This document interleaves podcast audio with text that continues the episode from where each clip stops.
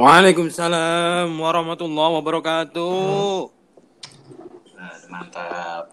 Ini bukanya lewat web lagi dah, kagak bisa lewat apps. Ya udahlah, nggak apa-apa lah.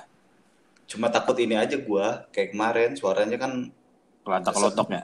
mm maksudnya kasihan yang denger. Mm, ya maklum lah yang denger juga orang adanya teknologi gitu. Eh, tapi ini suara gua aman. Di gua mah aman. Cuma nanti kayak kemarin juga tuh aman-aman pas di di mana namanya? Gimana sih? Di Pas di udah Spotify-nya. Heeh, pas udah jadi bentuk audio Kelatak baru deh ya. tuh. Heeh, kelatak kelotok, kelatak kelotok. Iya, makanya itu. Oke, Kabar? balik lagi sama gua Yuda Beraja Musti dan juga Adi. Istiono. ah ah. Ayo. gua nggak tahu ini harus di apa namanya harus di present atau enggak harus dikasih tahu dikasih informasi apa enggak sama pendengar kita nih tapi yang jelas ini. nih udah udah gatel banget sebenarnya pengen pengen tag dari kemarin-kemarin cuma baru ketemu sekarang waktunya nih jadi kebetulan juga ini hari Minggu ntar malam ada res jadi udah kita mau nggak mau harus bikin gitu kan Betul sekali. lah waktu sebentar dan i- ada sebuah apa namanya ada sebuah berita yang sangat mencengangkan sebenarnya buat para pendengar Apa tuh, Yud? karena setelah Dodit Adit tidak pulang-pulang habis diculik Diculik. orang Jawa kali ini kan tandem gua adalah eh, Andi Istiono Betul. Dan hari ini eh, patut ditasbihkan kalau side by side podcast ini ada aja masalahnya.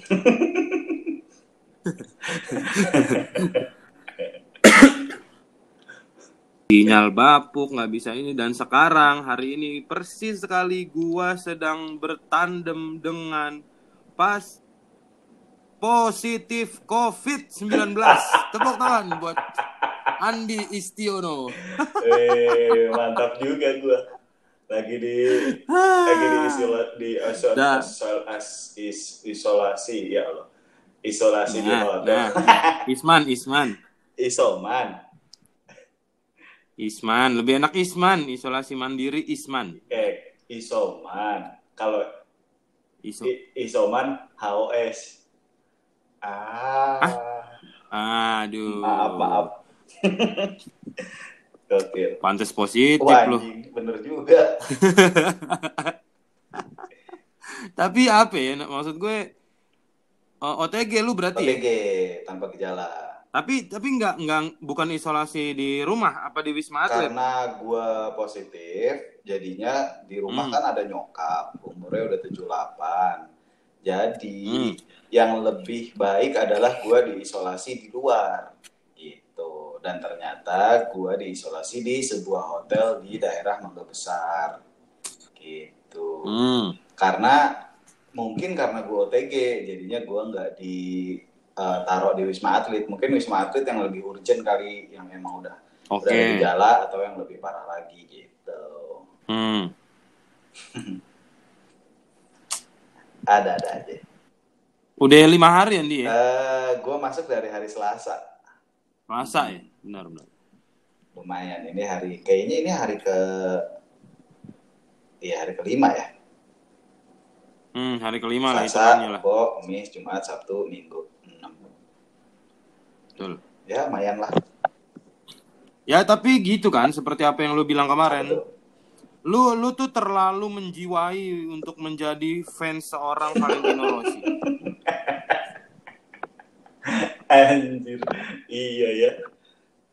Iya. Rossi aja sekarang COVID. Iya, Rossinya positif, lu nya ikut tuh. Sampai sebegitunya. Nggak ada lagi fans Valentino Rossi yang sebegitu cintanya sama Valentino Rossi selain lu. Bahkan sampai sampai corona coronanya aja lu ikutin, bener. Bener juga. Padahal itu beresiko loh, Di. Kenapa lu ikutin sih? Itu yang jadi pertanyaan gue, Yud. Ya setidaknya dalam hal profesi dan karir gue jauh beda sama Rossi tapi setidaknya untuk dalam hal penyakit Hmm. setara lah setara sama eh, gue tuh setara dengan Valentino Rossi Cristiano Ronaldo kan gokil nggak tuh Gokil Mantep. emang. Jadi Andi ini adalah salah satu fans Valentino Rossi yang tidak mengoleksi eh, apa ya action figure atau poster, tidak banyak ngoleksi, tapi yang dia koleksi adalah penyakitnya Rossi. Bangke.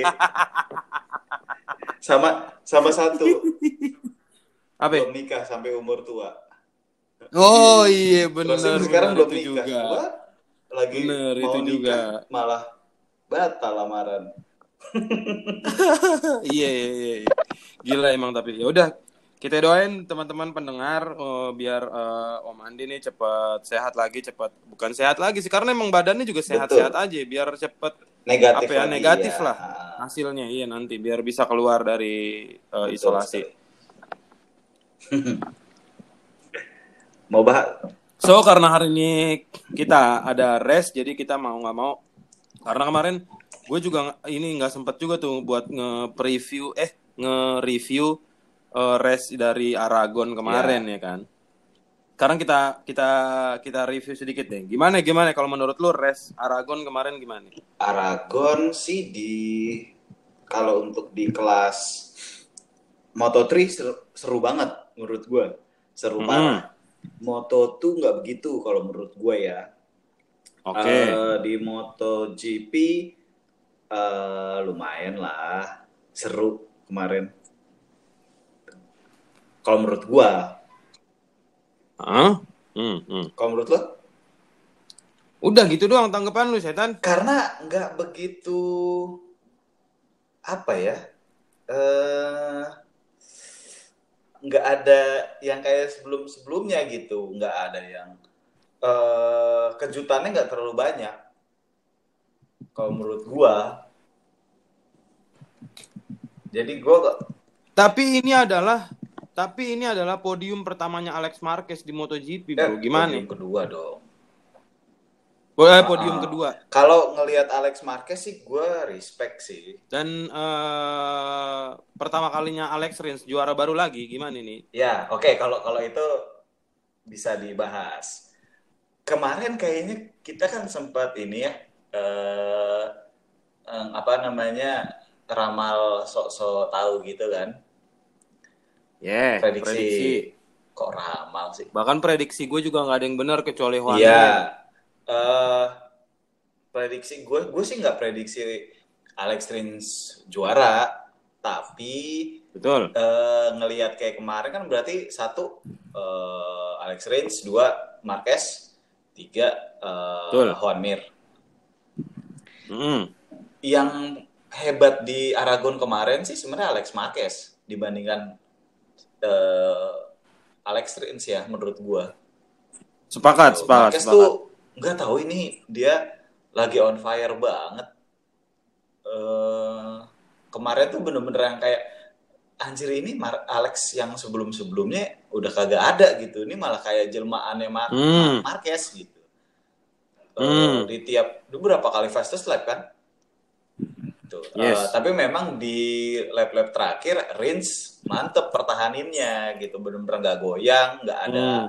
miss sama sekali gitu jadinya Alex nggak punya celah buat ngebalap Rins gitu tapi senang sih gue ngeliat Suzuki ada di dua-duanya ada di podium seru Hmm. gitu ya memang memang surprise-nya nggak begitu banyak tapi eh, ya oke lah di Aragon ini Gue nggak tahu sih kalau gue pribadi, gue sangat merasa surprise malah. oh ya Ya, karena ya pertama Alex Rins startnya dari posisi 10, Marquez dari posisi 11.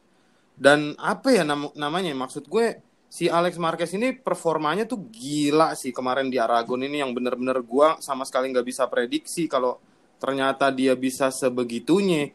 Maksudnya apa ya? Gue gue terakhir ngelihat dia kayak gitu itu adalah di eh, ya di Ya. Moto2 berapa musim musim-musim Hmm. kemarin dan memang seperti yang pernah gue bilang dia adaptasinya cukup lama dia adaptasinya cukup lama cuma cuma kenapa baru sekarang yang menjelang Iya. akhir musim dan Oh, oh maksudnya gue baru nyetel, maksudnya apa ya? Terlalu kontras gitu nih.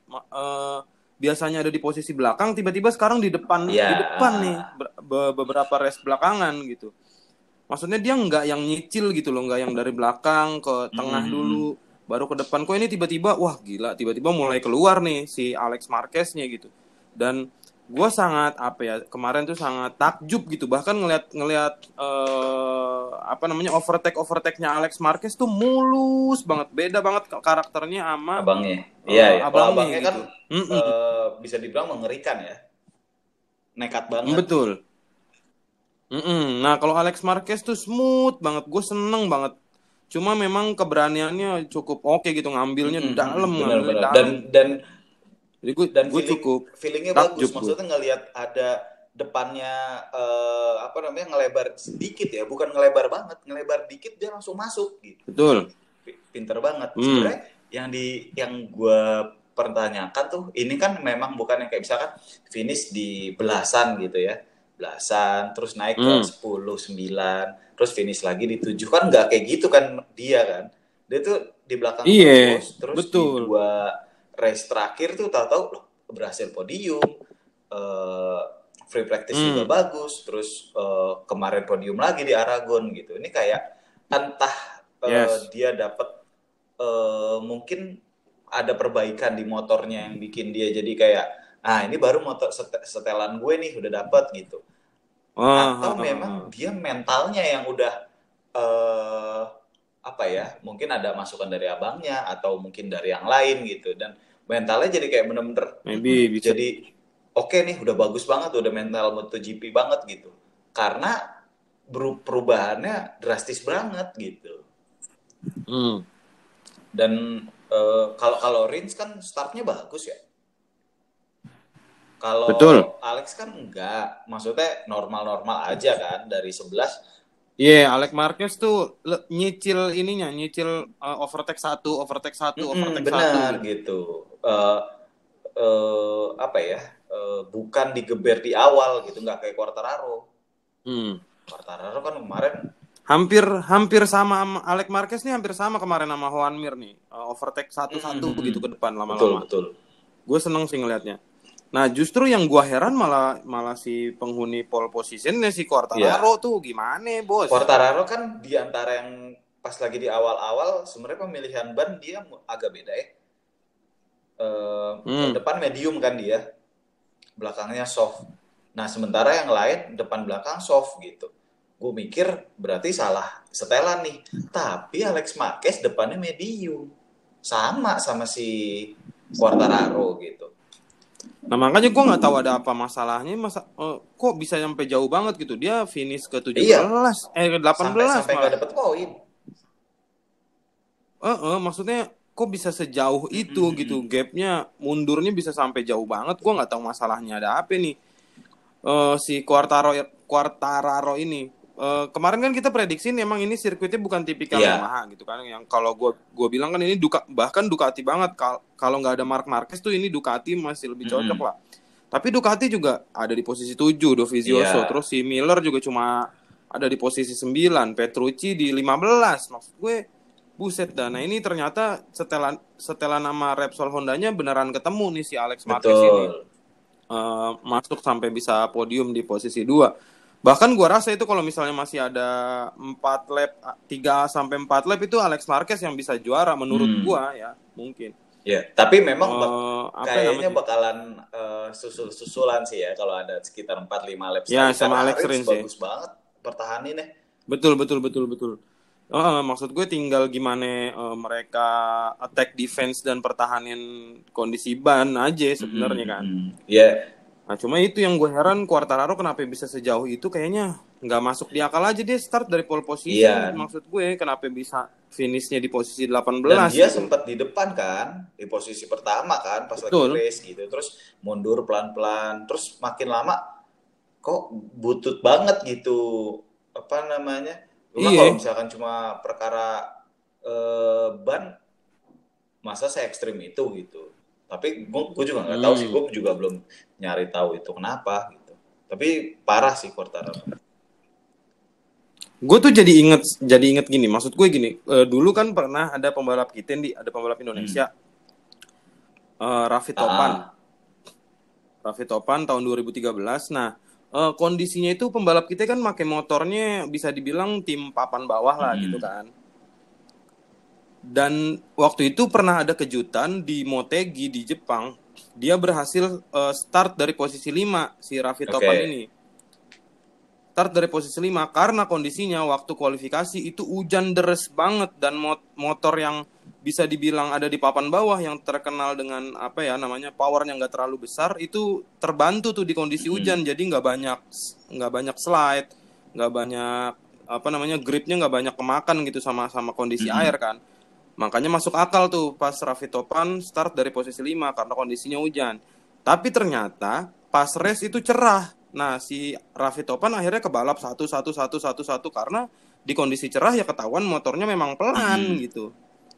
Tidak ketolong sama kondisi ban juga. Maksudnya kalau waktu hujan kan dia ketolong sama powernya yang gak terlalu besar dan bannya lebih lengket jadinya yeah. gitu. Nah, kalau pas cerah ya udah ketahuan mainnya power aja kan. Makanya akhirnya mundur mundur mundur sampai akhirnya ke posisi 20 25 sampai akhirnya dia iya maksudnya kalau kayak gitu kondisinya kan masuk akal. Yeah karena memang motor ada faktor tertentu yang bikin dia bisa start di depan. Nah, Quartararo waktu di kualifikasi sama di race, maksud gue kan kondisi cuaca, kondisi suhu nggak terlalu beda. Yeah. Motornya juga itu-itu aja.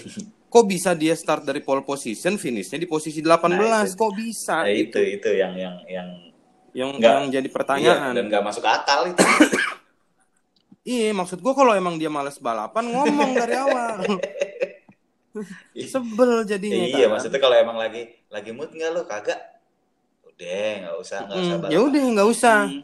lu besok deh balapannya senin sendirian gitu. Iya juara dah lu gitu. Habis sebel maksud gue. Kok lu pole position finishnya di posisi 18 Aneh banget nih orang. Ya, Kita bukan fans dia Tapi maksudnya uh, Apa ya Kita ngelihat dia tuh calon juara nih gitu Nah, itu maksudnya. Kan berarti ada sesuatu yang lebih dari dia yang bikin kita juga tertarik buat nonton kan. Bikin ini tuh tahun Betul. ini tuh seru gitu. Tapi ternyata kemarin kok butut banget gitu. Mm -mm. Pada akhirnya performanya Quartararo kemarin bikin kita jadi penasaran ke Juan Mir. Juan Mir tiba-tiba mimpin klasemen. Jadi kita tinggal nungguin Juan Mir kapan nih juara. Iya, kapan nih iya, bener. di satu race. Karena dia mimpin klasemen belum pernah juara tapi ini. Cuma konsisten ini gue jadi inget kasusnya si Nicky Hayden 2006 juga. Iya, betul, betul. Nicky Hayden kan 2006 cuma sekali juara. Betul, sisanya, sekali juara. Sisanya ya podium, podium. Ya, posisi dua, tiga, dua, tiga, dua, tiga. Cuma Rosinya jatuh berapa ya, kali. gitu. Makanya jadinya Hayden yang juara dunia kan. Ini juara dunia yang beruntung Hayden. Hmm. Bukan karena emang skillnya dia gitu. Betul. Tapi ya juara adalah juara kan. Bener, mau gimana juga iya. tercatat dalam sejarah Betul. juara dunia ya dia yang megang. Nah itu tetap jadi legend juga. Nah ini gue jadi penasaran nih kalau Quartararo di race kali ini dia masih kayak begitu performanya ya udah. Ini sih gue megang Juan. Iya bener banget gitu. Dan juga maksudnya dengan dengan performanya Juan Mir tahun ini ya dia bukan beruntung ya memang emang bagus. Memang bagus, memang bagus. Gue akuin memang bagus. Maksudnya start dari posisi tengah tapi selalu bisa ngangsak ke depan ya luar biasa menurut iya gue. jadi pun bahkan beberapa kali battle sama pembalap-pembalap yang memang udah lebih senior. Hmm, dan kita kayak udah nggak peduli sama kualifikasinya Juan Mir kan? Betul ya, jadinya. lo mau di belakang kayak lu mau start bahkan lu start dari 16 aja gue masih gue masih ah bisa iya ini bener. finish di posisi 4 posisi 3 gitu. Hmm, hmm, hmm. Karena sebegitu konsistennya tiap lap dia ngebalap satu sampai dua pembalap. Iya, dan enak banget. Gokil sih. Ngeliat, ngeliat dia ya. balapan tuh enak banget gitu. Bener. Gitu kalau kira-kira kalau tadi gue pengen review singkat sebenarnya anjing tahu-tahu udah 19 menit. Ya udahlah, pokoknya ntar buat buat preview res uh, malam ini kita bikin episode yang berbeda Siap. aja. Pokoknya bikin dua episode, eh, dua episode dah. Apa? Sip. Kalau gitu terima kasih teman-teman yang sudah mendengarkan. Kalau menurut lu gimana res Aragon kemarin? karena ini sirkuit yang sama kan hari ini Betul. dan kemarin yang gua seru juga adalah yang yang gua sangat happy gua nggak tahu kenapa gua happy ngelihat eh, video yang Mark Marquez nobar di rumahnya Oh iya, nonton iya. adiknya Iya benar, sekeluarga gua ya. happy banget betul Yang dia sampai teriak-teriak. benar Iya, iya, pas lagi pas lagi lap terakhir tuh yang mau balap Hmm. si Rins. Iya, Hmm. itu juga happy ngeliat dia. Happy gua ngeliat yang nggak tahu kenapa pokoknya gua happy banget ngeliat udah gitu dia posting halo gua gua, Gua abangnya ab- Alex Marquez iya, nih abangnya Alex Marquez. Marquez itu lucu banget loh. Maksudnya lu tuh lebih terkenal anjing, lebih jago. Atau gitu. Wah, gokil sih. Maksudnya itu kayak rasa bangga abang terhadap adiknya loh. yes betul betul Keren betul sih. betul keren keren ya pokoknya gitulah pokoknya race kemarin menurut gue cukup ada kejutannya jadi gue juga sangat menantikan eh, kemarin udah ada juara baru lagi terus eh, pemimpin klasemen sekarang udah ke eh, Juan Mir gue sangat menantikan race malam ini tuh bakal seseru apa kita obrolin di episode selanjutnya. Terima kasih teman-teman yang sudah mendengarkan Side by Side Podcast MotoGP World bersama gue dan salah satu pasien positif COVID-19 Andi Istiono. Pokoknya sampai ketemu lagi di episode selanjutnya. Dadah. Ah,